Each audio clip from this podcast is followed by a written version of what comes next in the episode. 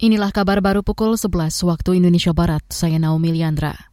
Komnas HAM khawatir pelaku yang terlibat pelanggaran HAM berat di Paniai, Papua tidak diganjar hukuman. Ketua Komnas HAM Taufan Damanik beralasan hal itu pernah terjadi pada pelaku pelanggaran HAM di kasus Timur Timur dan beberapa kasus pelanggaran HAM berat di Indonesia. Di kasus Timur Timur, lima pejabat Indonesia yang terlibat dalam pembantaian warga sipil di sebuah gereja di Timur Timur pada 1999 difonis bebas.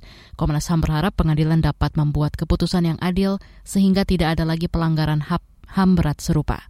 Paniai berdarah merupakan insiden yang terjadi pada 8 Desember 2014. Kala itu empat pelajar tewas di tempat ditembak pasukan gabungan saat aksi protes terkait pengeroyokan aparat TNI terhadap pemuda di Paniai.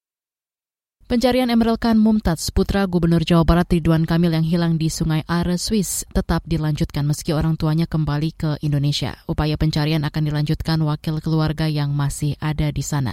Dikutip dari keterangan tertulis KBRI Bern, Ridwan Kamil dan keluarga kembali terbang ke Indonesia Kamis sore waktu Swiss untuk menjalankan tugas sebagai Gubernur Jawa Barat.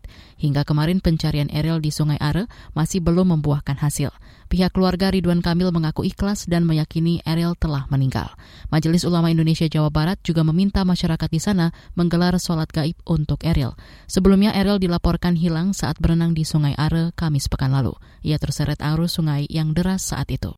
Demikian kabar baru KBR, saya Naomi Liandra undur diri.